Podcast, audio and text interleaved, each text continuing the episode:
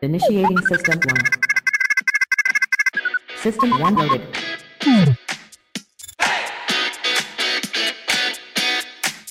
Ben je nou zo dom of is het niet? Waarom stel je dan deze vraag? Ben ik nou degene die zo slim is of ben jij zo dom? Nu ben ik weer de, de, de arrogante klootzak, de autoritaire klootzak. Ja goed, als je het niet begrijpt, sorry. Ho maar, ik heb het goed verwoord. Je mag het omschrijven, je mag nog je commentaar erop geven. Maar dat zijn allemaal domme vragen.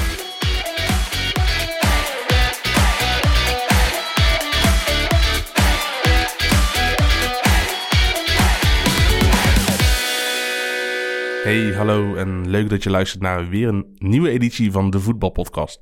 Mijn naam is Jimmy Driessen en ik zit hier natuurlijk weer met Sam Planting. Hoi Jimmy. Hey Sam, ja, er zijn eh, nogal wat dingen gebeurd eh, deze week. Eh, de lotingen zijn geweest natuurlijk voor de Champions League, daar gaan we het straks over hebben.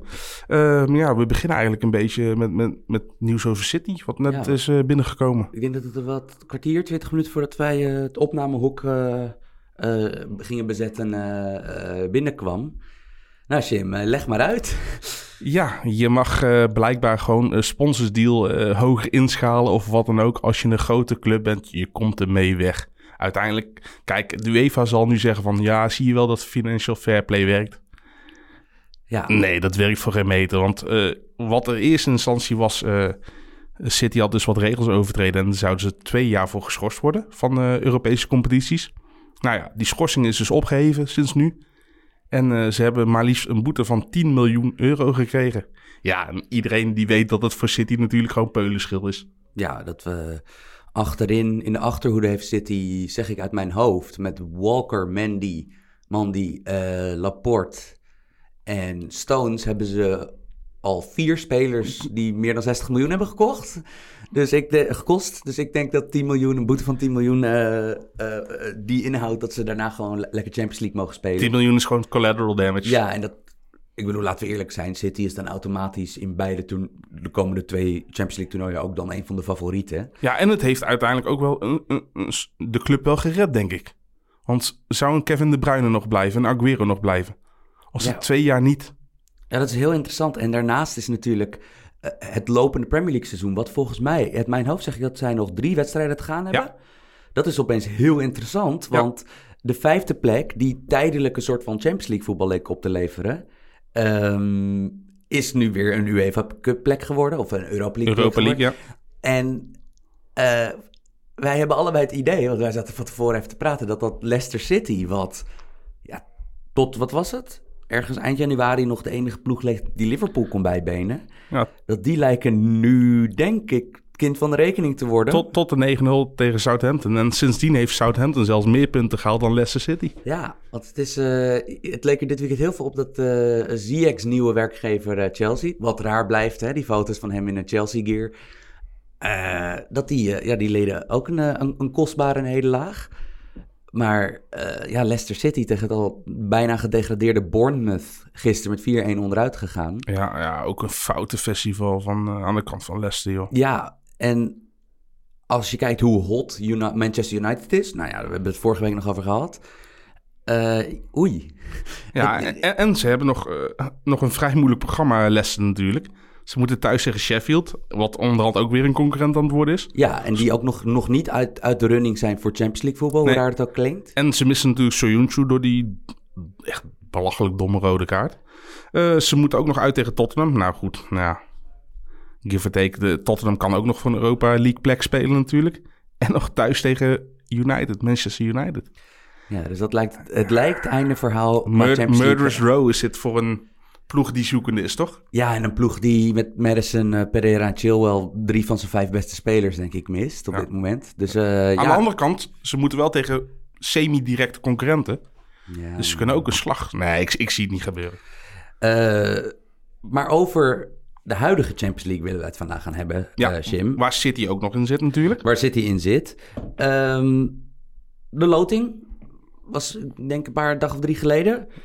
En we hebben dus een beetje een vreemde loting te, te maken, omdat vier van de acht, eh, vier van de acht achtste finales zijn natuurlijk al pre-corona afgerond. Ja, En vier nog niet. nee, klopt. Wat wij in elk geval nu weten is wie tegen elkaar in de volgende ronde komen te staan. Maar dat is nog een beetje afhankelijk van wat er in die achtste, in de returns... een- een hoop mits en maren zijn eraan verbonden inderdaad. Eh, maar we weten daarna, belangrijker, we weten ook de route naar de finale toe. Ja, En wij vonden het een goed idee om eigenlijk alle teams die wij als favorieten inschatten, als teams die dit toernooi kunnen winnen, eh, om die allemaal te bespreken. En dat gaan we doen door bij elk van die teams één argument te maken waarom ze de Champions League zouden winnen. En één argument te maken waarom dat niet gaat gebeuren. ja en de, de niet-kanshebbers die wij zo inschalen zijn Chelsea, eh, Napoli en Lyon. Kijk, Chelsea kunnen we echt, echt, echt Chelsea is... met een is- groot ja, kruis Die afstrepen. hebben al want die- 3-0 verloren van Bayern München, de ploeg in vorm. Eh, ja, Lyon, ik denk gewoon, weet je wat het is? Ze hebben een goede uitgangspositie. Maar nog steeds, als je ziet tegen wie ze daarna nog moeten... De, ze kunnen hebben met 1-0 gewonnen van Juventus Ja. in de eerste. Ja, en eh, ik, ik zie ze nu al eigenlijk niet, niet doorgaan tegen Juventus uiteindelijk. Maar daarna moeten ze of tegen City of Real. Dus ja, dat sprookje dat is eh, afgelopen. En Napoli heeft eigenlijk hetzelfde verhaal als Lyon. Van die staan er redelijk voor om nog de kwartfinale te halen. Hebben 1-1 gespeeld tegen Barcelona in eigen huis. ja, Dus dat zou op zich met een verrassend resultaat eh, kan dat gebeuren. En Barcelona is natuurlijk niet onsterfelijk. Maar die drie schrijven Ja. wij nu alvast af. ja want, want, die zien want- wij... want Napoli moet daarna tegen Bayern München. Ja, en eh, wat ook wel handig is als Lyon of Napoli... dat die misschien ook eerder sneuvelen dan eh, in de finale. Voor de Ajax-minded eh, people onder ons eh, Ja, is dat wel heel gunstig. Want de regels zijn zo dat als Olympique Lyon of Napoli de Champions League per buis wint, dan moet Ajax voorronde Champions League spelen. Dan zit direct de Champions League plaatsing er niet in voor de kampioen van Nederland. En toch wil ik een disclaimer achter de hand houden. Mocht er een kans zijn dat een Lyon een wint, is het wel dit jaar. Mm, Jawel, puur omdat in één wedstrijd, ik blijf het zeggen tot in de treurnis herhalen, op één wedstrijd heb je veel meer kans op een verrassing dan laten over we, twee. Laten we naar de kwartfinale gaan waar Lyon bij een schokresult, nog een schokresultaat tegen Juventus in zou belanden. Eh, de winnaar van Manchester City Real eh, komt uit in de kwartfinale tegen de winnaar van Juventus Lyon. Welke van de drie titelfavorieten in dit kwartet wil je als eerste? Ja, we, hebben City al, we hebben City natuurlijk al een beetje besproken, dus laten we daar gewoon even over doorgaan. Ja. Ehm, ik vermoed als Manchester City de 2-1 die ze in Bernabeu ehm, tot stand hebben gebracht, met een, in een rare wedstrijd, weet Ja, je nog? Het ja. was, eh, want het ging op en neer. Het was een, eh, in een fase dat, zit, dat Manchester City eigenlijk op zijn, misschien wel op zijn zwakste oogde in die hele Guardiola-tijd. Ja, En eigenlijk door een sterk, nou nog ineens kwartier, een sterke 10 Tien minuten, minuten. vooral van Kevin De Bruyne, draaiden ze toen een 1-0 achterstand om in een heel gunstige uitgangspositie Ja. met 1-2. Eh, denk jij, Jimmy, dat als de boel zo meteen wel een plooi valt, dus dat die returns zijn gespeeld, dat we nog acht ploegen in de Champions League over hebben, is City dan eh, op papier, of bij de bookmakers, is dat na Bayern München dan eh, de grootste favoriet? Eh, ja, dat denk ik wel. Ik denk het wel. Kijk, het is toch de, de ploeg met de gerenommeerde namen. Ze hebben Guardiola natuurlijk als coach. En ze hebben laten zien, als ze Real Madrid verslaan, is dat ze ook een van de meest degelijke. En ja, ik bedoel, ik schilder Real Madrid nou af als degelijk. Maar het is natuurlijk gewoon nog steeds een sterrenploeg. Als je die gewoon over twee eh, wedstrijden kan beteugelen, ja, dan ben je gewoon favoriet. Maak jij het argument waarom City de Champions League kan winnen dan? Ik ga dat zeker doen. Ik- Ten eerste, ze scoren. eh, Het is een, kijk, voetbal is een laagscoresport. Maar City heeft eigenlijk nooit een probleem gehad om te scoren. Dus ze, ze Nee. scoren erop los. Dat is al één. Vanaf het moment dat dat, dat geld er is, Ja, toch? heb- dat ja. is 2011, Ja, meen en, ik. en je ziet dat iedere grote club komt altijd wel een keer op een, in een tendens dat ze even lastig scoren. Heeft City geen last van gehad. En ten tweede, het meest belangrijke is nog, het is een verloren seizoen anders. Guardiola zal alles op alles op de Champions League zetten. Want in, ja, in de Premier League, ze hebben nergens meer voor te spelen. Ze zitten in niemandsland. Ze, zi- ze zijn tweede en ze blijven tweede. Dus ja, waarom niet alles op de Champions League zetten? Ehm, ja, eh, zeker. En eh, qua spelers, natuurlijk, City hoeft qua individuele kwaliteit bijna nooit onder te doen. Maar eh, er is een reden dat jij meteen over de aanval begint. Want natuurlijk voor een ploeg die nou, slordig een miljard heeft gekost om, om bij elkaar te kopen, laat staan wat ze qua wekelijkse salarissen kosten. is natuurlijk wel een ploeg die ehm, eigenlijk, zeker in de Guardiola-periode, hoeveel geld er ook werd gepompt. Nou, ik noemde ze toevallig net een paar van die snoeidure verdedigers op. Ze hebben er nog een paar. Ederson heeft even wat mogen kosten. Eh, eh, ik heb nog steeds geen samenstelling van die verdediging gezien onder Guardiola. Dus dit is het seizoen nummer vier onder Guardiola, dacht ik. Vier of vijf. Ja. Ja, en nou ja, de statistieken zijn, als je dat allemaal bij elkaar optelt, is dit een ja, bijna historisch dominante ploeg. En als je ook kijkt wat er aanvallend, nou ja, dat zowel Kevin De Bruyne als Raheem Sterling, er valt een argument te maken dat zij tot de allergrootsten op aarde behoren Ja, momenteel. zeker, zeker. Ehm, je hebt voorin een beschamende hoeveelheid keuzes. Dat bijvoorbeeld nu, eh, doordat Guardiola het heel rustig aandoet, krijgen we opeens veel Foden te zien. Sinds Terwijl, terwijl dat de zesde garnituur is in principe. ja, en dat is een speler die bij bijna elke andere ploeg in Europa eh, een van de creatieve supersterren zou zijn. En ook de kans zou krijgen. Exact. Ik zie niet hoe jij in een toernooi, eh, wat dus in wezen nog voor City een wedstrijd tegen Real Madrid is, een kwartfinale, halffinale, finale. In het geval dat ze Ja. hem zouden winnen. In korte tijdbestek ook. Ik zie ze niet vier, wedst- ik zie ze niet vier keer 90 minuten ehm, eh, defensief geen inzinking hebben zoals ze die vorig jaar hadden tegen Tottenham in de Champions League. Het jaar daarvoor tegen Monaco. En het jaar daarvoor tegen Liverpool. Want het is Of volgens mij is de volgorde andersom. Ja. Maar eh, Maar het is altijd net niet inderdaad. het is altijd op een spectaculaire wijze net niet. Ja. Want het is elke keer is de, is de implosie geweest in een wervelwindachtige wedstrijd waarin City aanvallend uiteraard mee kan doen. Dat een ploeg die zijn shit goed op orde had, En trappen ze er toch weer in. er to- dat ze er toch weer intrappen. Dus nou ja, dat, dat, dat is nummer één. Stel nou dat City, dat het inderdaad, dat het kaarthuis echt ineens stort. En dat Real Madrid de ploeg is die die achtste finale nog overleeft. Wat niet ondenkbaar is natuurlijk, want die komen, ja, eigenlijk post- post-lockdown, hebben eigenlijk heel klinisch de Spaanse landstitel veiliggesteld. Eh, Zidane is wat resoluter geworden met, met wie die voorin de kans geeft. Atletico is niet meer het enige defensieve bolwerk in Madrid. Heeft Real Madrid... Ja, we, ik heb, we hebben nu natuurlijk vanwege de geluidskwaliteit het, de- het internet op vliegtuigstand staan. Maar eh, Real Madrid heeft niet al te veel tegengoals gekregen sinds eh, post-corona. Oké, maar ik, ik heb het zelf nog niet opgezocht. Maar hoeveel met en hoeveel zonder Sergio Ramos? Dat is de vraag. Want Sergio Ramos heeft een rode kaart gekregen. Is geschorst dus tegen City. Ramos ontbreekt in een sleutelduel. En dat hebben we vaker gehad. Ja. Nou ja, dus ik denk dat dat jouw argument voor waarom Real Madrid deze niet gaat winnen heel simpel is. Ze missen Sergio Ramos. eh, Dus ze overleven de return tegen City niet. Nee, want je hebt dan en je meest belangrijke verdedigende speler. Maar ook je, je één na belangrijkste aanvaller. Want ja, hij is, na, hij is na Benzema is hij de topscorer. We hadden een aflevering, volgens mij twee afleveringen geleden hadden wij een voetbalpodcast een, eh, Real Madrid-teamed aflevering, toch? Ja. Dat we, dat we Oh. het over Zidane en Real Oh, dat Madrid... is volgens mij afgelopen... Oh, dat was de, dat was de voorbije aflevering. Nou, nog handiger. Eh, het thema daarbij was Zidane als tacticus en Real Madrid als ploeg. eh, het zijn chameleonnen. Het zijn, ze hebben geen e- e- e- één vaste gedaante. Ze hebben er meerdere. En dat is, dat is hun voornaamste kwaliteit. Sinds Ronaldo weg is, weet je nooit welke ploeg je als tegenstander kan verwachten. Ja. Is dat niet precies waar zo'n City elke keer dan tot nu toe op vast is gelopen? Op een ploeg met een goed contraplan? Zeker, zeker. Maar goed, na City komt er weer een eh, tegenstander natuurlijk. Ja. Is Sergio Ramos wel weer terug eventueel? Ik denk wel dat de route naar de finale zou dan zijn, als we een beetje de favorieten mogen inschatten, zou dan zijn Juventus in de kwartfinale, Ja. Bayern München in de halve finale. Ja. Of Barcelona. Ja, super moeilijk.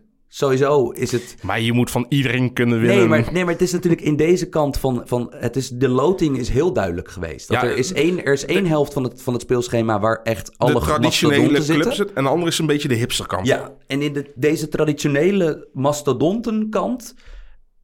Ja, als je over het hele bekijkt. Bayern München is, is de favoriet voor de titel. ja. Dat, daar moeten we eerlijk over zijn. Die Komen, komen, die komen, komen zo komen meteen- straks op terug, ja. Maar dat, dat is de favoriet. Ik, de enige andere ploeg waarop ik, mijn, waarop ik zou durven inzetten... als ik een gokkend man zou zijn... zou gek genoeg toch Real Madrid zijn en niet City. Oké, waarom? Ja, omdat eh, Real Madrid gewoon... eh, Onder Zidane is er heel weinig bewijs dat ze het laten afweten. In wedstrijden dat het toe doet... op momenten dat er een resultaat gepakt moet worden... is het een ploeg die ja, elke keer een chameleon is. En qua individuele kwaliteit natuurlijk nooit hoeft af te eh, in te boeten. Aan de andere kant... met of zonder Ramos is voor deze ploeg... Ja. terwijl Ramos 35 is... eh, nog altijd een gigantisch verschil. Ja, en vergeet niet, ze beginnen niet met een 0-0 stand, hè? Ze beginnen met een 2-1 achterstand. En, Ja, en, eh, en ze moet- moeten uit. Ja, Dus, dus ze moeten in principe moeten ze twee keer scoren. Want volgens de boekies is eigenlijk ook... eh, ik bedoel, ik kijk nou op Unibet. Ja, wordt Real Madrid nu niet door, tot de favorieten gerekend? Waarschijnlijk omdat ze dus al die eh, heenwedstrijd hebben verloren. ja. Maar Nou ik, ik, ik eh, bals dat jij, eh, dat jij gewoon Real Madrid als één na grootste favoriet noemt. Daar hou ik van. ja. Maar, nu ik... niet terugkrabbelen, hè? Nee, maar nu ik, nu ik eh, ehm, iets, lastig, iets lastigs heb gedaan... schuif ik aan jou de taak door om... Ik denk in Nederland wel de minst geliefde topploeg. Ver, verdedig Jimmy Driessen aan mij... waarom Juventus FC voetbalclub de Champions League gaat winnen dit jaar. Nou ja, we hebben hem afgeschreven, maar hij staat toch weer op. Ronaldo. Ronaldo, die gaat... Zelfs nu. zelfs Zelfs op deze leeftijd? Zelfs nu, en helemaal omdat zijn supporting act eigenlijk niet meer eens een supporting act is. Maar Dybala is, eh, is post-corona is gewoon echt een grote meneer geworden nou. Het is de speler waarvan Juventus hoopte dat de, de- die die zou worden toen ze hem ooit haalden, toch? Ja. Nu. Ja, en die is, eh, ja, die is eh, ja, eigenlijk eh, uit de startblokken gekomen, mogen we wel zeggen, toch Sam?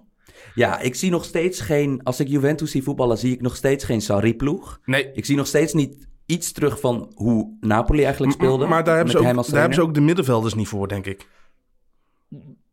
Ja, maar bijvoorbeeld ik zag Rabiot afgelopen week een actie maken... dat ik dacht, die, Ja, kan, maar- die, kan, die kan ook wel wat. Ja, maar met Rabiot het probleem is, dan krijg je altijd knettergekke moeder erbij. Dus Ja. ja. moet je dat willen als club?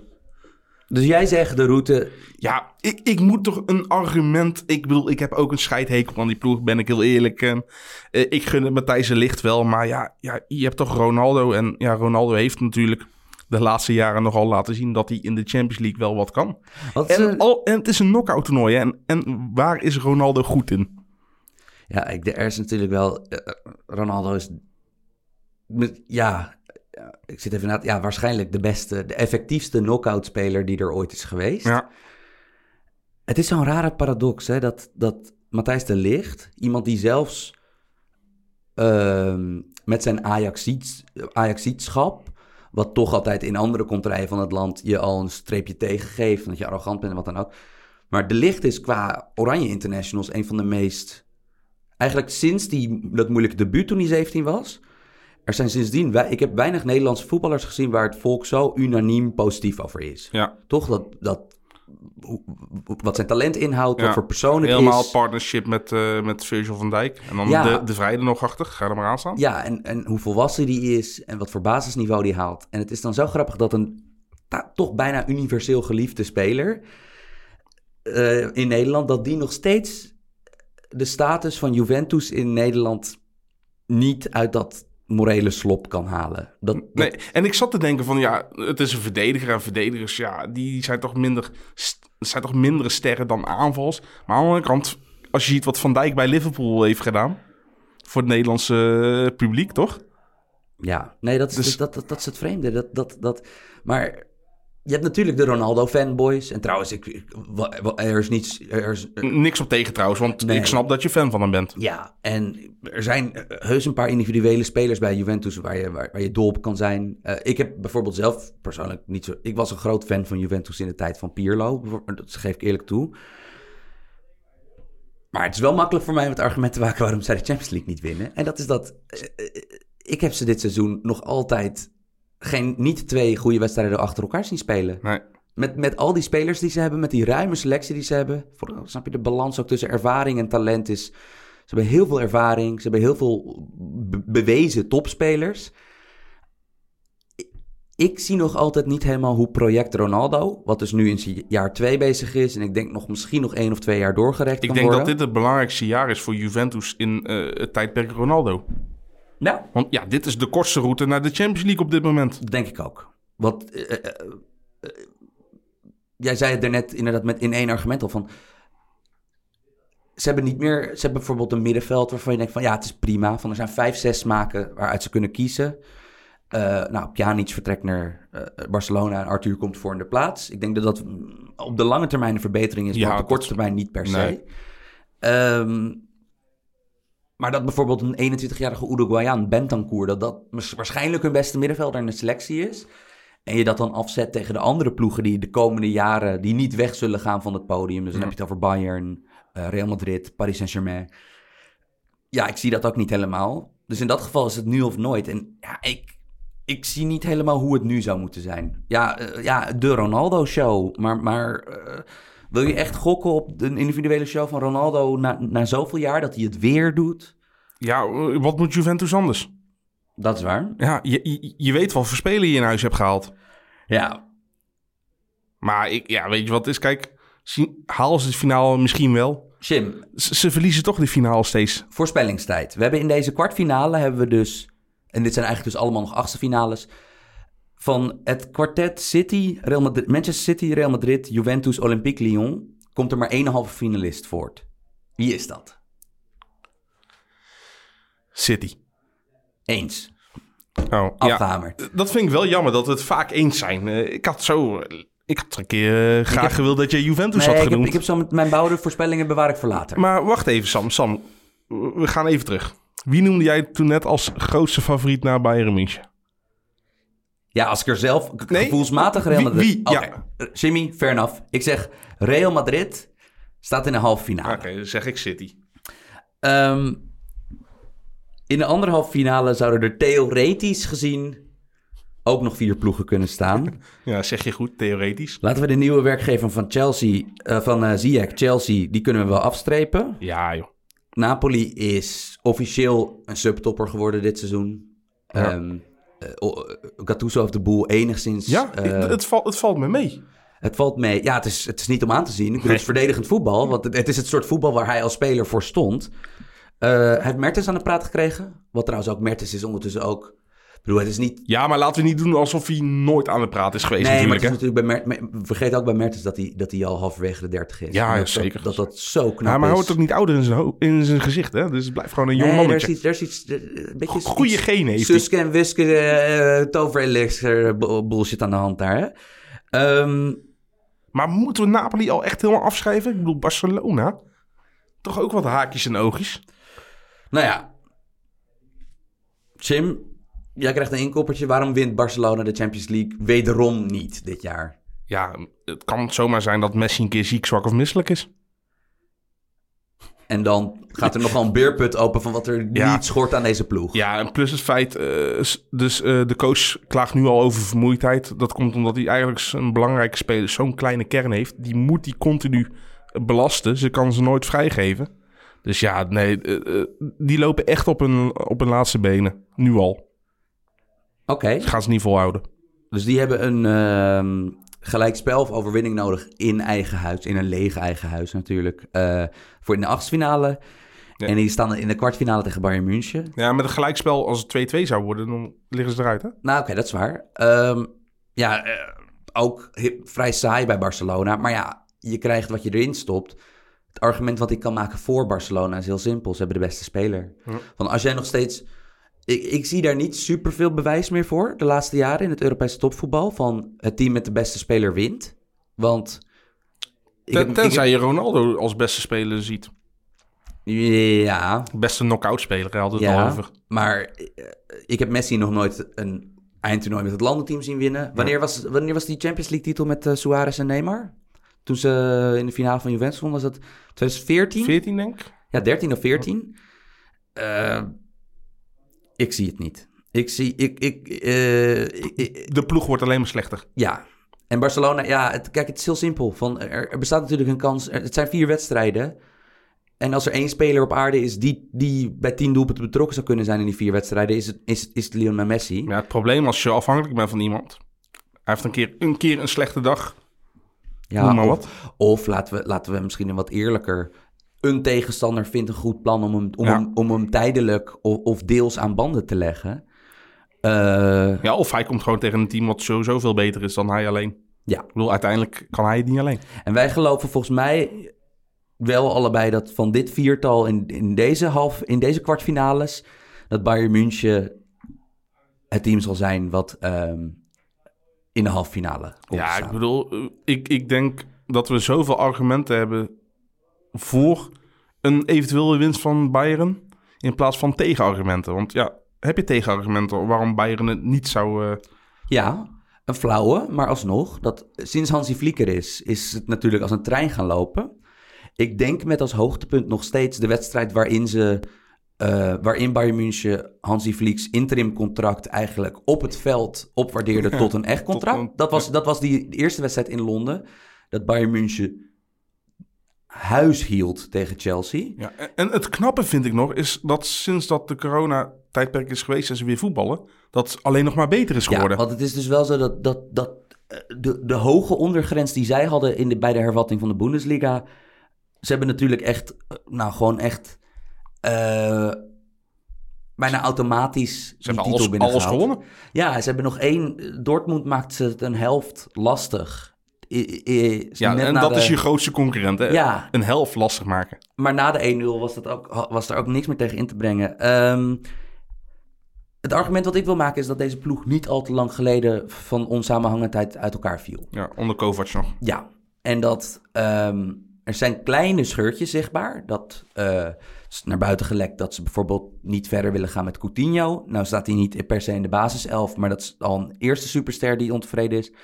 Eh Corentin Tolisso, die ook de slag heeft gemist, wordt Ook, aan... ook lang geblesseerd is Ja, geweest wordt aan elke club, andere topclub onder de zon gelinkt door zijn door zijn zaakwaarnemer. Ehm, Wat gaan ze met Alaba doen? wat gaan ze met Alaba doen? Dat is ook nog steeds, die heeft niet bijgetekend, is natuurlijk een van de grote leiders van het team.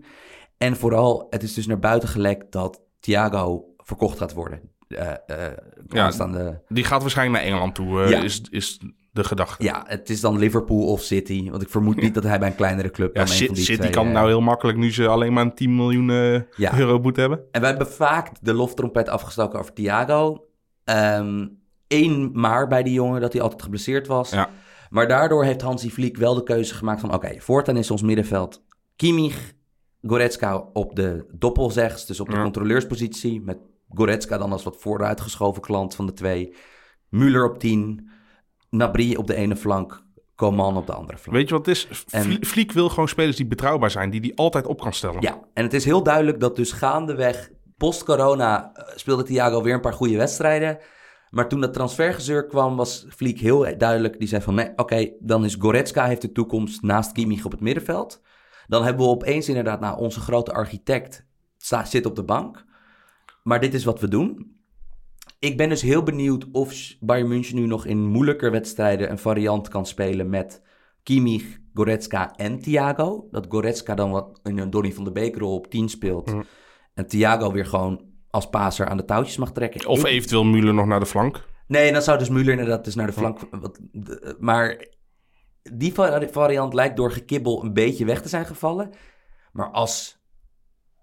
Ja, een speler die niet per se meer 100% elke week in de basis staat... als zijn transfersituatie het grootste minpunt is te bedenken aan deze ploeg... Ja, dan hebben we echt moeten graven naar wat er... Ja. Want nou worden we een soort eh, privé-rollenblad worden we. Ja, en het is natuurlijk wel zo dat achterin zijn ze dun bezet. Van het, is, eh, het is Boateng en Alaba zijn het centrale duo. Ja. Nou, Davies is geweldig als linksback. Pavard is onderschat als rechtsback. Maar bijvoorbeeld Hernandez, Sule. Hernandez heeft niet het vertrouwen. Zule ontbreekt. Eh, dus het, wordt wel, het zou wel lastig worden als daar een en ander gebeurt qua, qua fitheid, klachten. Ik denk dat dit inderdaad van de... eh, ik denk dat dit de, hal- de halve finalist is waar wij denk ik met, met meeste zekerheid op durven te voorspellen. De- die, deze eh, schrijven niet met potlood, maar met pen op. Ja. Toch? Ja. En ik vind het knap, want we hebben nou over Bayern München gepraat... zonder het fenomeen Lewandowski te benoemen. ja. Want het is natuurlijk wel zo dat Lewandowski is nu al... eh, Negen seizoenen is hij de spits die we kennen. Het is negen seizoenen geleden dat hij bij Dortmund helemaal doorbrak. Ja. En ik denk dat dit zijn beste is. Zijn beste jaar tot nu toe. Ja. Hij is vaak al weergeloos geweest. Maar hij is... eh, en de corona heeft een beetje ondergesneeuwd hoe automatisch dit dit jaar is. En dat hij... ehm, ik bedoel, als je het hebt over een speler met een hoge ondergrens...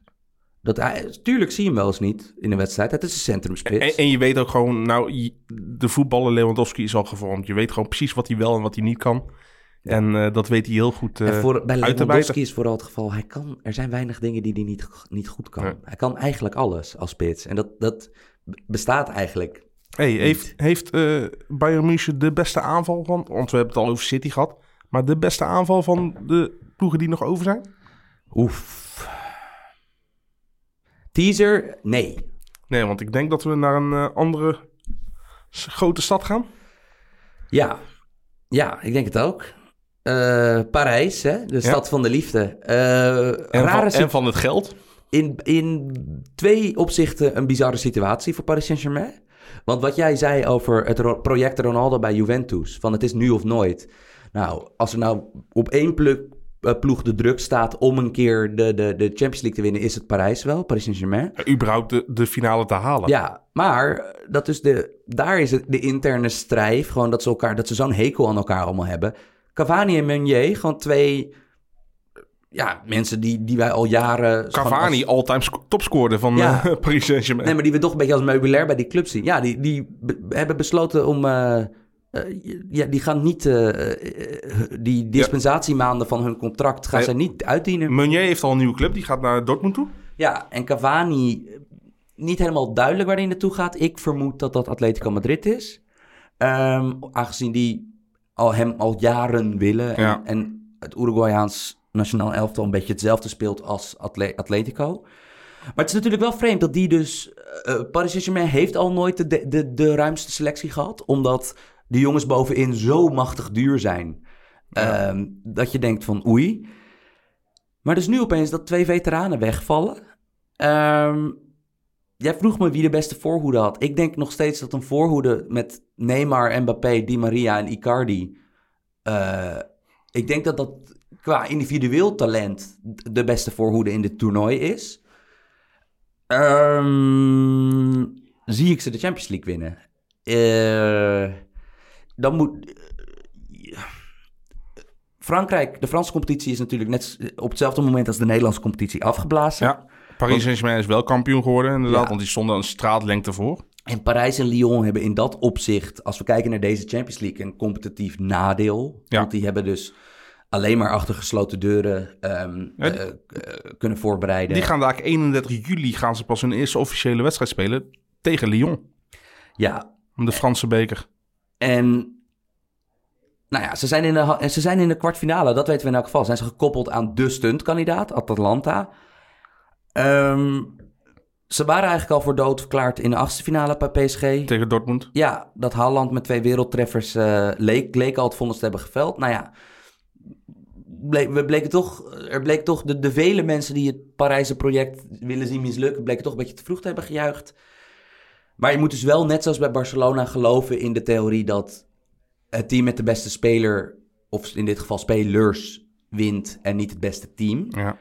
En dan, ja, Paris Saint-Germain is nog steeds het enige team op aarde met twee echt buitencategorie spelers. Twee, twee kapitein. Ja, met, ik bedoel, Neymar en Mbappé zijn natuurlijk echt, echt de wereldtop. Van dat is, die, Ja. die, die, die kun je samen met Messi en, en Ronaldo eh, en De Bruyne, denk ik, eh, in een en Lewandowski, denk ik. Ik denk dat dat dan, die zes jongens zullen in iedereen's top 10, denk ik, wel staan. Ja. En ik, eh, ik hoop bij Neymar en Mbappé ook wel top 5. Ehm, Ja, Neymar zal nog steeds wel veel misgunnis hebben hoor. Maar die jongen is toch altijd beslissend als hij op het veld staat. Maar zie jij het gebeuren? Zie jij... Want het is natuurlijk een vreemd toernooi en er, gaan, er gaat vreemde shit gebeuren. Maar zie jij PSG deze quarantaine cup winnen? Nee. Nee. Puur het gebrek aan echte wedstrijdritme. Je ziet al hoe eh, moeilijk ploegen het hadden bij de herstart van hun competities. Dat ze, dat ze na een 60 minuten al gewoon al helemaal kapot zijn. Ja, dat, dat kan met PSG toch niet, niet anders zijn. En ze moeten tegen Atalanta. daar gaan we het dadelijk over hebben. Maar die zijn al veel verder. Je, je moet je voor, voorstellen dat Atlanta eigenlijk ook al veel verder in de voorbereiding was. Dus die zijn met alles eerder begonnen. Eerder met testen, eerder met trainen. Ja. Dus die zijn fysiek sowieso zullen die echt, echt mijlenver een voorsprong hebben op Paris Hebben Saint-Germain. sowieso al een actievere speelstijl Precies. dan Paris Saint-Germain. Ja. Want ik bedoel, Bergamo prest de shit uit, uit elke tegenstander. Ja, Ehm, ja ik, nee, ik, ik zie het niet gebeuren. Weet je wat het is? Kijk, qua naam en qua selectie moeten ze nou eigenlijk gewoon, gewoon de finale halen. Als, als je ziet welke routes ze zitten. Ja, en ook als je gewoon, als we even heel eerlijk zijn, we gewoon, als je ze, nou, de vier voorhoedenspelers die we opnoemden. Je hebt Verratti, nou, hoeveel middenvelders zijn er beter dan die jongen?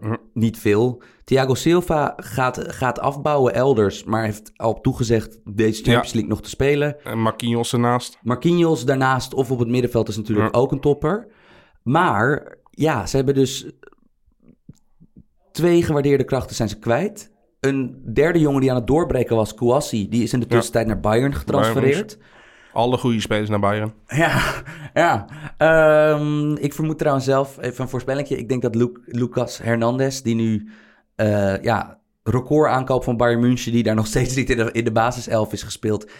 Ik vermoed dat die naar Parijs gaat. Ehm, aangezien Paris Saint-Germain ook in het eigen land altijd onder druk staat om ook eh, de betere Franse spelers in te lijven. En dan zie ik Theo eh, bij AC Milan ook wel die kant op gaan. Zou me niks Ze verbazen. hebben ook nog een goede linksback nodig. Eh, ik denk dat Paris Saint-Germain een van de.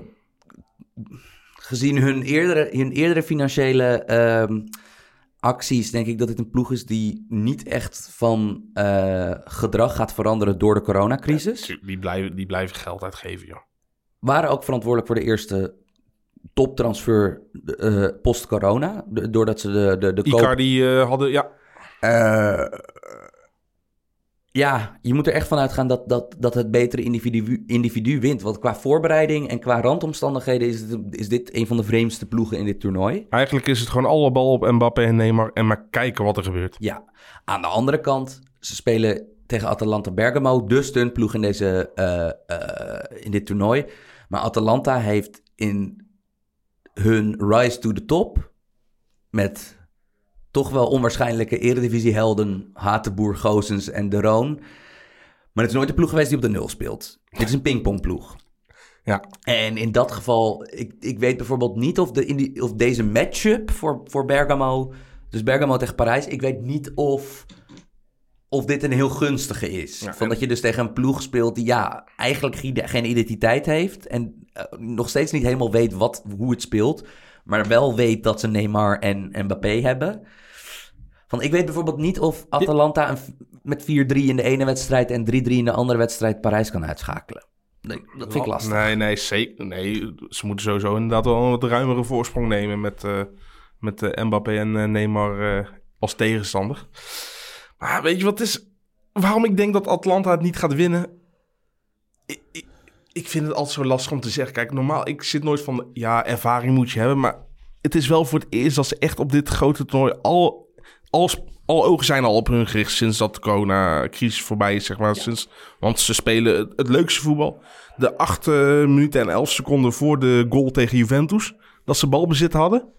Ja, dat, dat is het mooiste wat ik de afgelopen maanden aan voetbal heb gezien. Ik denk sowieso dat, dat, dat we, als we heel eerlijk zijn, gewoon in de, to, in het eh, topvoetbal, dus de vijf grote Europese competities en Champions League en Europa League, dit is, als we week tot week meetellen, Is, is dit de leukste ploeg, toch? Ja, ik denk dat, als jij als neutrale supporter besluit van, nou, voortaan is Atalanta mijn club, dat je je zelden verveelt. Ja, maar, maar ieder jaar heb je zo'n club die, die toch vanuit het niets ineens opstaat. Vorig jaar had je, had je Ajax, je had, je had eerder nog had je Monaco. ja, Maar de laatste keer dat echt zo'n ploeg eh, tegen alle verhoudingen in de Champions League won...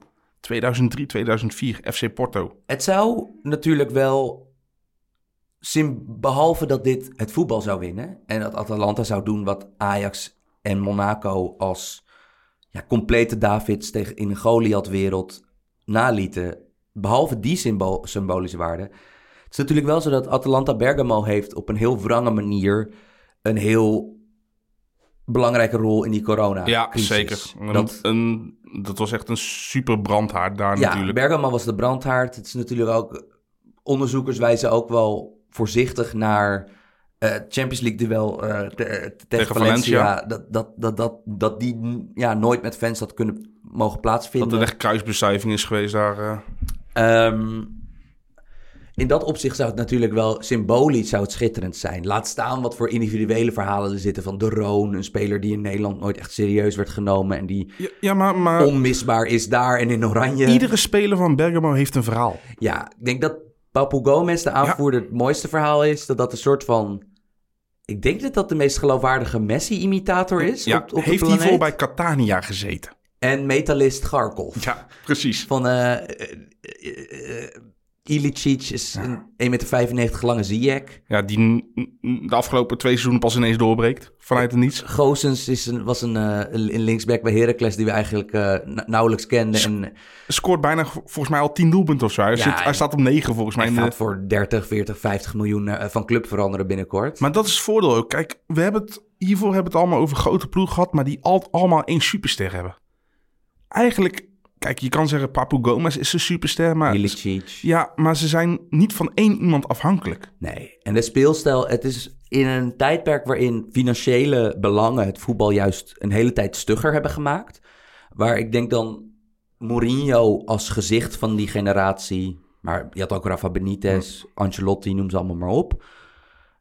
Eh, in het tijdperk waarin topvoetbal stugger en stugger en, en minder interessant werd om gewoon als voetballiefhebber naar te kijken, is dit natuurlijk wat Bergamo doet met heel bescheiden financiële middelen is revolutionair. Ja. Want dat, dat is natuurlijk, als je iets wil leren van voetbal, moet je nu kijken naar wat, wat Atalanta doet. En dat is zowel bestuurlijk, zowel qua scouting, zowel op het veld. Ja, van en hoe kunnen we dat zelf implementeren, maar ook hoe kunnen we het tegengaan Ja. als mijn tegenstander zo speelt. Want heel vaak is de route natuurlijk voor underdogs. En daar is Leicester City, wat een paar jaar geleden kampioen werd met een degradatieploeg. is Atalanta het nieuwe Leicester? Nee, want, want kijk, Leicester was, speelde underdog voetbal. Die speelde, Atlanta speelt gewoon dominant. ja, van Atalanta spelen gewoon Juventus helemaal weg, hè? Ja, tikken je weg. eh, verdedigers die in de voorhoede opduiken. Gewoon echt totaal voetbal. Zoals we het eigenlijk al heel lang niet hebben gezien. ze creëren een structurele chaos. Ja, aan beide kanten van de Ja. bal. En daardoor heb ik nog steeds... Ik, het zou uit poëtisch opzicht natuurlijk de mooiste winnaar zijn. Ja, man. Eh, maar het, eh, eh, daarnaast is het ook gewoon...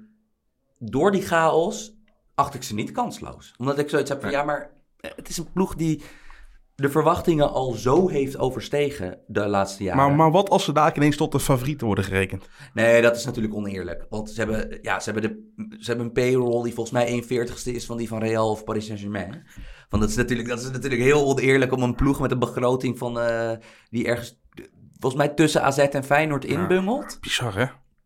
Dat die, die, die, Bijna alleen maar voltreffers hebben ze, hè? Ja, Maar waar ik wel bang voor ben, we gaan even een uitstapje nemen. De spelers die van Atalanta weggaan. Ik heb echt het gevoel van die floreren omdat het die ploeg is, dat het systeem is, dat het Zeker. trainen. Eh, eh, en Marten de Roon heeft al laten zien dat het bij Middlesbrough dat het niet goed ging. ja. Nee, het is natuurlijk, ja, ik bedoel, Wat, wat, wat moet, moeten die spelers nog een transfer gaan maken later? Eh, uit individueel financieel opzicht zou ik dat zeker doen. Van bijvoorbeeld zo'n Ilicic, die is ook al boven de 30. En die is eh, in, de, in, de, in de maanden dat hij in hoogvorm was, ja, wat gouden balkandidaat ongeveer. Ja, Dat, dat, wat hij deed, dat je denkt van, Mooi schot heeft hij ook, zeg. als er een club bereid is hem 10 miljoen, 15 miljoen per jaar te betalen. Gelijk doen, toch? Ja. Want het is een jongen die ook heel lang, iedereen kon zien dat die jongen getalenteerd was. Je stelt de kinderen van je kinderen, stel je veilig. Ja, eh, dus in dat opzicht, ja, als er nog een club is die Papu Gomez of Ilicic of eh, eh, eh, de, volgens de geruchten is bijvoorbeeld hun spits Stormram Duvan Zapata. Zapata. Ja, die schijnt dus, dat- er schijnen clubs heel erg veel geld voor over te hebben. Ja, meteen doen. Gewoon zowel als Bergamo als in, of als individuele speler meteen Ja, doen. want sowieso Bergamo heeft laten zien dat ze qua scoutingsbeleid en wat ze willen doen, dat ze een duidelijke visie hebben. Ja, Dus die hebben echt wel weer vervangers Ja, klaarstaan. het is benieuwd, bijvoorbeeld de Go Goossens is een in- interessant verhaal. Want stel dat hij weggaat, dan zou zijn opvolger een eh, andere ex-Herakliet zijn, Lennart Sibora. Want die hebben ze al deze winterstop gehaald. Was ook bijvoorbeeld was een opvallende speler in de Eredivisie, maar ook eentje die je niet automatisch opschreef van, nou ja, zou naar Ajax of PSV Maar, moeten. maar dat, dat is toch bij al die spelers van, nou ja, wat moeten ze daar nou mee? Om, om vervolgens te zeggen van, hij past er precies. Ja, ja ik, het is een schitterend verhaal. Eh, Het is natuurlijk wel een beetje poëtische loting tegen PSG. Hè? En, eh, een, ploeg die de harten tegen, niet, de, tegen de Poen eh, ja, een ploeg die de harten maar niet weet te veroveren tegen, de, tegen iedereen's darling. Dan hebben we nog één eh, kwartfinale over. Eh, die wat anders is geworden dan we een paar maanden geleden hadden eh, gedacht. Want een paar maanden geleden was Atletico Madrid, pre, pre die coronabreak, speelde Atletico een vervelend seizoen. Ja, Wat gewoon een slecht seizoen. ja, wat eigenlijk op één avond is omgekeerd toen ze opeens per abuis de, de, de titelfavoriet Liverpool uit de Champions League knikkerden. Maar konden nog altijd verdedigen. Maar het was aan de voetbalkant onder Simeone nog nooit zo slecht geweest. Ja, en ze hebben altijd een goede spits gehad onder het tijdperk Simeone. Hebben ze dit jaar niet. Ja, Morata is de enige die scoort, maar En ik denk dat als wij pre-corona toen al hadden moeten vooruitblikken op het, ver- op het verloop van de Champions League, dat we toen RB Leipzig als favoriet als een van de favorieten hadden genoemd. Weet je bijvoorbeeld nog in die achtste tegen Tottenham, hoe overtuigend dat ging? ja. Maar ja, goed, achteraf denken we ook van, ja, Tottenham is dit jaar ook niet echt een hele kloppende ploeg. Ja, Leipzig heeft in de eigen competitie nog steeds... De pieken waren nog steeds hoog na de coronabreak. Maar ze hebben ook wat dalen gehad. Ze hebben wat dalen gehad. En vooral gewoon praktisch gezien hebben ze een enorme dreun gekregen toen Timo Werner, die net zoals Ziyech naar, naar, voor veel geld naar Chelsea is gegaan, dat die heeft besloten niet bij Leipzig eh, het Champions League toernooi uit te spelen. Wat ik overigens gewoon kan begrijpen, hoor. Tuurlijk, tuurlijk. Want stel je voor dat je, stel je, voor dat je, dat, dat je geblesseerd raakt. Dat je wel je kruisband afscheurt. Ja, van hij heeft 80 miljoen gekost Ja. voor Chelsea. Dat is natuurlijk... Ik begrijp het helemaal. Maar het is wel een dreun. Want ja, je, je, Ja, ik bedoel, je, je beste speler dus zonder dat hij geblesseerd raakt opeens niet meer we zeggen bij PSG al van ze gaan Cavani missen. Maar die is minder belangrijk dan dat Werner voor Leipzig is. Dus joh, ja tuurlijk. Van Werner is, Werner is mm, ja, sensationeel effectief geweest dit seizoen. En hij, zijn snelheid is Ja. zo'n belangrijk onderdeel geweest van, van hoe Leipzig speelt. ja, want clubs durven ook gewoon niet hoog te pressen. Met, een, ook eh, met de verdediging doorstappen. Want je weet gewoon, je hebt een probleem tegen Werner. Ja, ik denk, en hier spreekt niet alleen de Atletico-fan in mij, ik denk dat Leipzig ook nog eens heel erg pech heeft gehad met de loting. Want, nou, wat kan Leipzig als geen ander? Misschien nog wel beter dan Atalanta Bergamo, dat is tegenstanders ontregelen. Ja. Hoog druk zetten, het tempo zo opvoeren. Atletico heeft daar scheid aan. Ja, Atletico hoeft niet te voetballen. Nee. Van die, die, die, die, die vinden het prima om 90 minuten lang via de keeper bal lang naar voren te spelen. Want Leipzig mag de bal hebben. Eh, Er Is komt heus een is- counter van standaard situatie. Waar Atletico een beetje het kryptonite voor Leipzig qua stijl. Ik denk het wel hoor. Ik vermoed het wel. Ik vermoed het wel. Ik denk je, ook dat het echt een hele vervelende wedstrijd gaat worden. Als je ziet hoe Leipzig uit eh, de titelrace viel in de Bundesliga de voorbije seizoenen. Dat het dus nooit... Tuurlijk, de, de, de één-op-één ontmoetingen met Bayern hebben ze nooit, nog nooit kunnen domineren. Maar ze hebben heel veel punten laten liggen tegen ploegen die gewoon heel onwelwillend waren tegen Ja. als normale mensen voetballen. Die gewoon zeiden, nee, fuck you, we gaan met, met negen Wij de bal, geef jullie maar de bal weer. Laat maar zien dat je kan voetballen. ja, laat maar zien dat je kan voetballen. We, gaan, we hebben geen seconde eh, interesse in, die- in, eh, in die pressingsvalstrik van jullie lopen. En nou krijg je met Atletico een ploeg die dat niet alleen eh heer en meester is, maar ook gewoon nog goede spelers heeft. Ja, en daar wil ik het wel even met jou over hebben. Want dat is natuurlijk heel interessant. Dat Marcos Llorente... Wanneer is de laatste keer dat jij zo'n soort verhaal hebt gehoord? Want het verhaal van Llorente is als volgt. Hij was bij, ik meen, Alaves als Real Madrid huurling goed. Dusdanig goed dat Real Madrid dacht, we halen je terug. Wat ze wel vaker doen eh, met, met zulke Ja. spelers. Handel, En- handelswaar. Net als Ceballos, net als Odriozola, net zoals heel veel Spaanse jongens in de laatste jaren bij Real Madrid, werd Llorente daar als controlerende middenvelder, dus echt als nummer 6, gewogen en te licht bevonden. Ja, hebben we het in de vorige podcast ook over gehad inderdaad. Ja, Llorente is toen voor een redelijk fair tarief naar Atletico Madrid gegaan. Ja, alsnog wel boven de 30 miljoen volgens mij. Maar goed, dat als je tegenwoordig recht kan lopen en tegen een bal aan kan trappen, dan Precies. praat je over die transfersommen toch? En Real, eh, Atletico Madrid heeft natuurlijk een middenveld met de spelers die wij echt herkennen bij, bij Atletico Madrid. Dus ook echt als echte Atletico-spelers zijn, staan meestal op dat middenveld. Je hebt Koken en Saúl natuurlijk. Hij past zo precies in dat 4-4-2 systeem. Thomas Partey is natuurlijk een echte, echte Atletico-jongen. Maar de grap was, Llorente moest in hun schaduw leren om ook zo te zijn. Maar verzoop eigenlijk ook. Op het begin wel, ja. Maar Jorente, een verdedigende middenvelder, laten we zeggen, nou, geen type De Roon, maar wel iemand die in die zone speelt. Dus zeg een, ja, eh, waar Lasse Schöne ongeveer speelde. Een, een Rodri.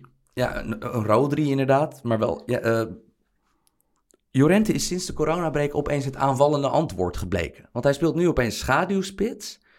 Eh, is verschrikkelijk goed. Ja, eigenlijk was het nogal voor de corona. Want eigenlijk ging het... eh, eigenlijk tegen Liverpool is een doorbraak Ja, eh, hij had geweest. natuurlijk hij had die twee late goals waar, waar- waarmee Liverpool uit, het, uit de Champions League viel. En dat is na al dat gezoek van Atletico Madrid naar een aanvaller die dat verdedigende, verdedigend moeilijke, die die verdedigend moeilijke speelstijl aankon, bleek het antwoord te zijn van nee, we moeten een verdedigender ingesteld iemand Hoog voorin. opzetten, ja. Maar het is vaker gebeurd, hè. Kijk, eh Henrik Mkhitaryan is verdedigende middenvelder geweest. Is bij Shakhtar naar voren gegaan. Julio Baptista bij Sevilla, verdedigende middenvelder, werd opeens een spits of een tweede spits. Het kan. Ja, ik, kijk, daarom ben, ik, kan. daarom ben ik zo gelukkig dat je met Jimmy. Ik hoef nog ineens, ik hoef nog ineens de vraag, want ik wil, ik hoefde de vraag nog ineens op te zetten van, heb jij voorbeelden hiervan? Die Nou ja. twee dus. Ja, ik, ik, blijf het uitzonderlijk vinden. Want het is, wat hij nu in een wedstrijd bij Atletico moet doen, is zo anders dan hoe hij als middenvelder daarvoor moest spelen. En het is natuurlijk wel een beetje pijnlijk dat waar hij nu als een soort van schaduwspits geweldig is. Ga je naar João Felix toe? Nou ja, Joao Felix, ik ben groot fan van hem. Nog steeds. Zeker. Want het is, maar ik bedoel, Atletico Madrid heeft wat? 150 miljoen euro betaald voor deze jongen. Na één goed seizoen bij Benfica. Of nog ineens na een half goed seizoen bij Benfica. Het, het is een red race. Niemand wilde naschrijven, dat is het juist. Nee, maar dat hij dus, dat, waar Joao Felix dus nou, om de week een nieuwe blessure oppikt. En nog steeds nooit twee goede wedstrijden op rij heeft gespeeld. Eh, En dus nog steeds die Griezmann-erfenis niet aan heeft gekund tot nu toe. Dat is nu opeens een verdedigende middenvelder. Dus dat, het zou hetzelfde zijn als een ras van Marien volgend jaar als valse spits bij Ajax opeens.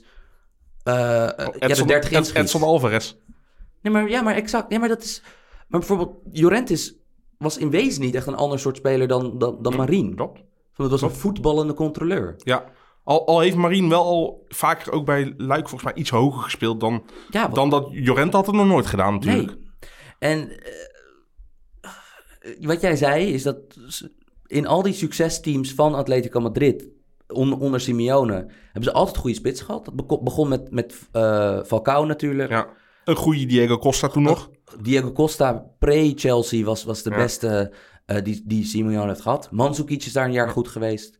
Ehm, maar het is daarna lastig geworden. Want het is altijd lastig geweest om daar aanvallers te vinden die en die ja, toch negatieve of verdedigende speelstijl aankunnen en effectief kunnen blijven. Eentje heeft het altijd gedaan. Griezmann, die was altijd goed. Maar het is heel lastig. Ja. En, En Griezmann was al een iets andere aanvaller dan, dan de voorgenoemde Diego Costa natuurlijk. Morata en Diego Costa, nou ja, toch wel echt grote namen van weleer. Ja, maar vooral namen zijn het nog. Wisselen nu stuivertje wie er spits is. Morata lijkt enigszins op de rails. Ja, en, en het wordt hem ook belachelijk makkelijk gemaakt. Want Diego Costa is echt qua onderliggende cijfers. Hij, hij creëert niks. Zijn schotlocaties zijn slecht. Het is echt. Ja, wat doet hij nog? Gemeen. Hij doet gemeen. Hij heeft een boevenkop. ja, maar hij is een boef. Grinta. Maar ja, het is natuurlijk wel opvallend dat, dat, dat Diego Costa zo'n vechtvoetballer... dat daar kennelijk, als de tank eenmaal op is, raakt hij lelijk op. Ehm, Ja, hij wordt niet mooi oud, nee, qua, qua spel. toch was natuurlijk alle mensen die een beetje verstand hebben van voetbal en een beetje grapjes kunnen maken, hadden bij die loting meteen. Oh, gaat dat rare, gaat dat kuttige Atle- Atletico nu de Champions League winnen? Ik zie, ik zie het zomaar gebeuren. Even voor de duidelijkheid, zij zitten dus in het pad. Het pad naar de finale is dus de winnaar van Atletico Leipzig komt tegen de winnaar van. Van Atalanta tegen Paris Saint-Germain. Ja, dus er komt sowieso in de finale één team wat nog nooit de Champions League heeft gewonnen. Atletico had de finale een paar keer gehaald. Jij zei dat Paris Saint-Germain een keer de halve finale heeft behaald. Ja, toen in het jaar dat Ajax tegen AC Milan eh, de beker won. Ja, nou, Bergamo en Leipzig natuurlijk niet. Nee, ja. het wordt Het zo... is heel vreemd, want Atletico is de minst voetballende ploeg van deze vier. Maar wel mijn ruime favoriet om de finale te Ja, halen. sowieso, omdat het nou over één wedstrijd gaat. Ja, Als... ja, daar weet Simeone wel raad mee, hoor. Ja, het is natuurlijk... Het is makkelijker om over één wedstrijd de nul te houden dan over twee wedstrijden. Ja. ja, ik ben dan wel elke keer benieuwd hoe ze aan een doelpunt komen. Ja, En dan, snap je, dan kopt Saúl een vrije trap erin. of dan, eh, dan, een dan, penalty en eigen doelpunt, eh, er komt altijd wel weer iets. Ja, ja het, eh, het zou natuurlijk wel passen.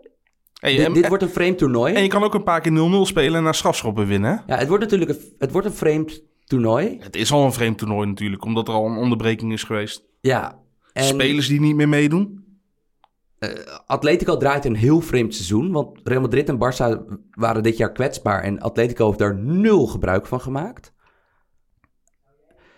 Het zou wel, het zou wel wat zijn, toch, Jim? Maar, maar hoe vaak heeft het ook wel niet eh, laten zien dat een, een club in de competitie niet in vorm is, maar alsnog gewoon... Ik bedoel, we hebben Real Madrid, die, die wint de Champions League ook gewoon een paar keer. Terwijl ze niet eens kampioen worden. Ja, het is, het is echt heel erg vreemd. En het wordt alleen maar vreemder nou met, met die enkele wedstrijden. Wie, als jij er eentje moet uitkiezen van al die voorhoedespelers bij Atletico, van wie is dan de held, denk je, zometeen? Voor het mooiste verhaal zou het natuurlijk Diego Costa zijn. Gewoon dat hij gewoon per ongeluk tegen een bal aanloopt en zo in de 92e minuut de, de 0-1 maakt. Het zou wel heel erg mooi zijn. Morata natuurlijk ook een mooi verhaal. Heeft, is iemand, is voetballer die hardop heeft toegegeven dat hij eh, eh, ja, bijna verlammende eh, periodes van depressie en faalangst heeft gehad. Wat natuurlijk bij een jongen die volgens mij wat sinds zijn achttiende... Ja, kijk naar zijn cv. Heeft bij Real Madrid, Juventus en Atletico gespeeld. Van, het is, en, en hij is volgens Chelsea mij... ook nog. Chelsea. En hij is in totaal voor volgens mij al 200 miljoen Ja, aan totale transfersommen getransfereerd. Het is natuurlijk een jongen waar niemand eh, eh, ontkent dat hij het talent heeft om een topspits te zijn. hij is te lief voor het voetbal. Misschien wel. Eh, dat zou natuurlijk ook een mooi verhaal zijn. Ik ga zelf voor Unlikely Hero. Ik denk dat zo'n Angel Correa dan de spotlight grijpt. Want dat is eigenlijk al jaren een goede speler bij, bij Atletico Madrid. Maar ik denk dat vrij veel mensen die redelijk verstand van voetbal hebben... wel eens naar Atletico kijken en dan afvragen... hé, hey, wie is die met rug nummer 10? Van wie is dat überhaupt? Ja, want rug nummer 10 brengt altijd verwachting met zich mee natuurlijk. Ja, maar maar niet in de ploeg van Simeone, man. Nou ja, maar... Nee, joh. Het is, ik, ben, ik ben heel benieuwd. Eh, eh, wie, wie, wie is de aanvoerder van Atletico Madrid? Is dat Koken? Ja, kook of zo. Dus Dan, dan, dan, is het, dan zou het dus opeens Koken zijn die in een, in een leeg stadion de Champions League trofee eh, met Simeone naast hem. En eh, wat dat betreft vind ik eigenlijk het beste dat of een City of een Paris Saint-Germain in een leeg stadion. Dat is toch gewoon de samenvatting van tegenwoordig het voetbal, het grote geld, het, het niet meer aan de supporter denken. Wat zou gewoon De qua... plastic club die de, die de cup lift zonder fans erbij. Dat zou toch gewoon Ja, dat, dat- zou natuurlijk dat zou- dat zou een i- onsterfelijk beeld zijn, hè? Dat City... Paris Saint-Germain City in de finale. Schrijf maar op voor mij. De plastic cup finale. Oké. Wie wint hem? Wie wint de Champions League, eh, Jimmy? City. Ehm, nou, heel mooie uiteenzettingen hoe het romantische Atalanta het gaat doen. Of het, onver, of het, of het, het anti-voetbal van Atletico Madrid ga ik eh, heel saai zeggen. Dat eh Bayern München met een inter, Saai, voormalig interim, interim trainer de triple wint. Ja, nou, dat zijn niet heel grote voorspellingen, Sam, dit. Maar eh, ja, goed, we moeten ermee doen. Ik eh, denk dat we inmiddels eh, ja, zijn, ruim 50 minuten verder zijn. En hopelijk jullie genoeg hebben bijgepraat over onze visie van de verschillende clubs in de Champions League. We hebben er heel veel zin in. topvoetbal, waar het echt weer ergens over gaat. Dus ja, ik hoop dat jullie er ook heel veel zin in hebben. En dan rest mij niks meer dan een shout-out te doen naar Kevin Prins Boateng. Shout-out naar het CAS, het KAS.